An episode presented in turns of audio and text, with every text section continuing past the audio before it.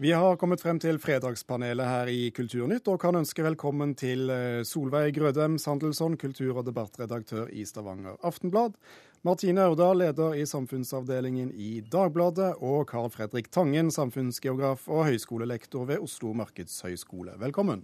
Takk, takk, takk. La oss først høre litt på dette. Jeg sier kom på besøk og se hvordan det nå ser ut. eh, Om dette passer med de skremmebildene dere hadde i hodene deres. Eh, For jeg tror at for 90 så kommer svaret til å være, og dette har jeg også hørt, eh, flere som sa jeg var skeptisk, men nå liker jeg denne parken. Det er jo helt fantastisk hva dere har fått til her. Ja, Det var hilsenen Christian Ringnes hadde til sine motstandere da han i går kunne åpne skulpturparken i Ekebergåsen i Oslo. En park som har kostet ham 350 millioner kroner og mye kjeft gjennom flere år. Har Ringnes nå grunn til å le sist og best hvis han begynner i Stavanger? Ja eller nei? Ja. Jo. Ja. Ja, her, her kan han skikkelig le og kose seg. Hvorfor det eh, i Stavanger? Nei, altså det, det, Han har jo fått det som han vil, så uansett hva han syns om resultatet eller ikke, så er det jo klart at, eh, at Ringnes er grunn til å være fornøyd.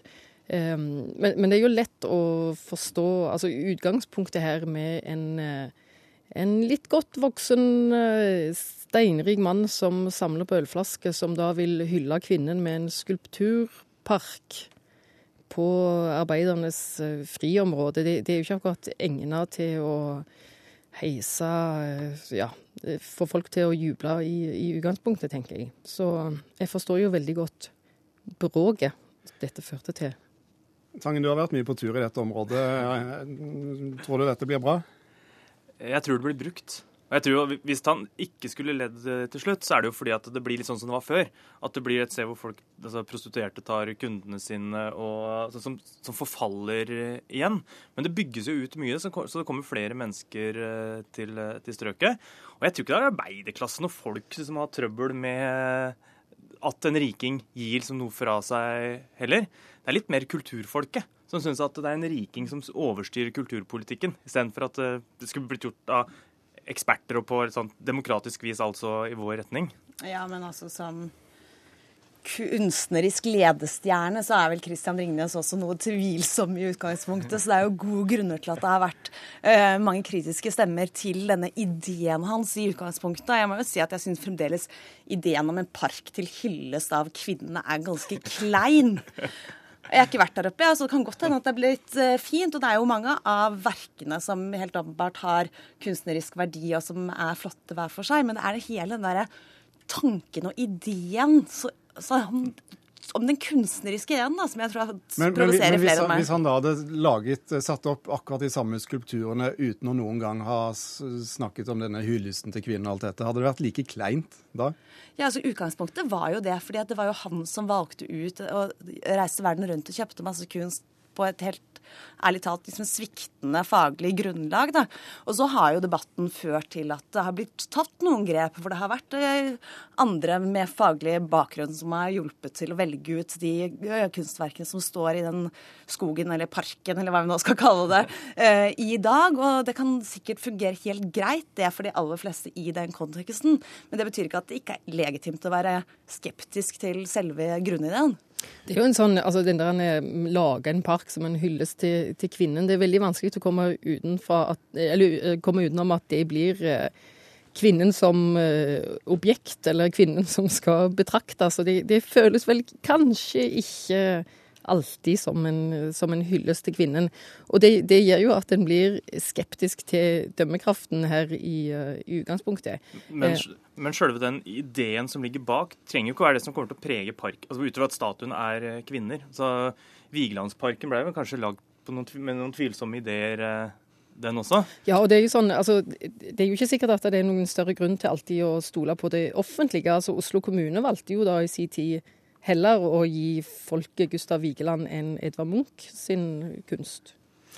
Ja, nei, men det, det er klart eh, man kan stille spørsmål ved mange forskjellige eh, eiere eller initiativtagere. Men jeg syns vi fikk en god illustrasjon av Christian Ringnes i, i Nasjonalgalleriet.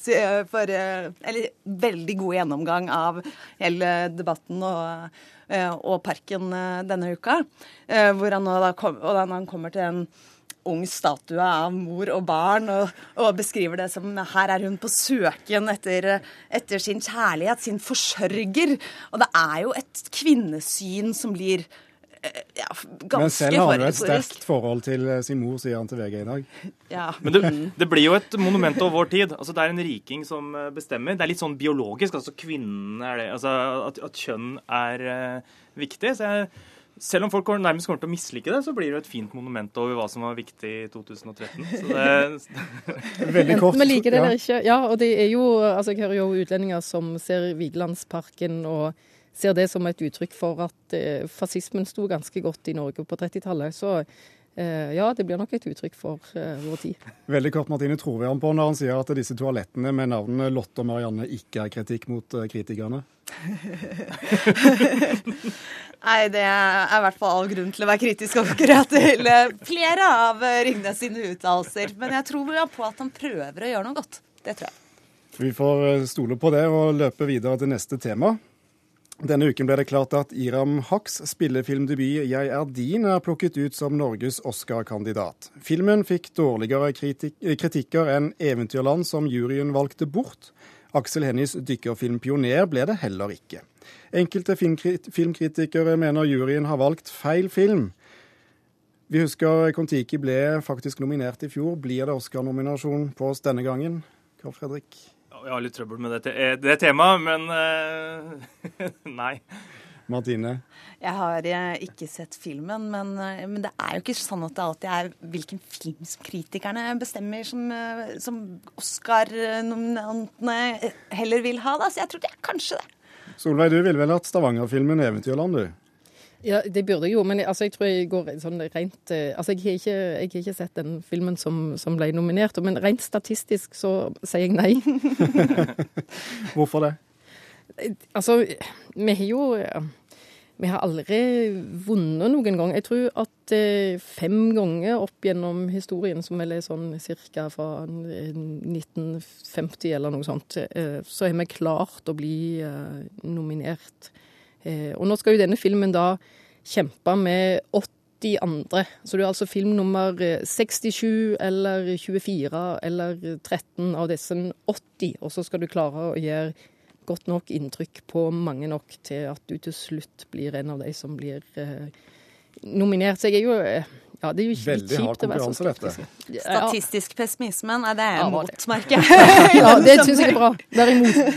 Grunnen til at jeg er skeptisk til hele problemstillingen, er at jeg syns det er trist hvis det er om å gjøre altså, hvis det er det å få Oscar som blir noe sånn drivende for hvordan norsk filmpolitikk eh, skal være de nominasjonene kan hende funke litt sånn til innvortes bruk, at folk, noen flere vil gå og se eh, filmen. Men det er jo ikke det som vil flytte nordmenn til norsk eh, film.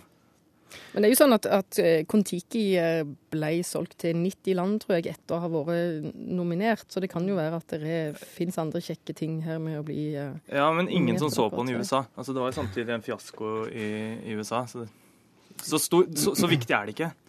Men Fins det noen gode kriterier uh, å velge ut en Oscar-kandidat på?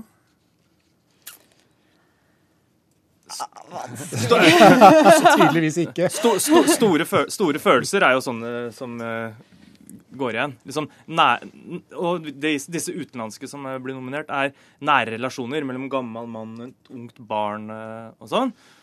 Og, og der har jo og det er jo litt sånn nære relasjoner her, men jeg, jeg, tror kanskje ikke at epos er uh, kraftig nok. altså det store fortellingen. Jeg vet ikke, jeg fyrer sånn sammen at Kon-Tiki ble valgt ut fordi at det var liksom en norsk versjon av en Hollywood-film. Og dette er kanskje en litt annen innfallsvinkel. Altså er det tydeligvis forskjellige kriterier som, som blir lagt uh, merke til. Men selv om jeg ikke har sett denne filmen, så er jo det en film som eh, som vekker en type interesse hos folk. Jeg, har, jeg, kommer til å se den filmen, og det var uavhengig av nominasjonen, fordi at det er en type historie som ikke vi forteller så innmari ofte, og som, som fortjener å bli fortalt. Det er langt fram til eh, neste Oscar-utdeling, så vi tar med oss neste tema imens. Så jeg tror dette handler om at noen ikke liker, og så bestemmer vi at vi ikke skal ha det. Så det er en slags sensur, mener du da? Ja, hva ellers skal jeg kalle det, liksom? For ansatte i Helsedepartementet får angst av bildene kunstneren Vanessa Beed har laget til det nye bygget R6 i regjeringskvartalet. Nå blir de fjernet. Det ene av de to bildene viser et skjelett som klamrer seg til en trestubbe. Rundt ligger en mengde knokler, og papirene flagrer rundt. Etter 22.07 ble dette for mye for de som hver dag går gjennom resepsjonen. Men er det greit å fjerne denne kunsten når staten i utgangspunktet har bedt om å få den, Martine? Nei. Carl Fredrik? Ja. Solveig? Jeg vil lyst til å si tja, men jeg får jo si ja.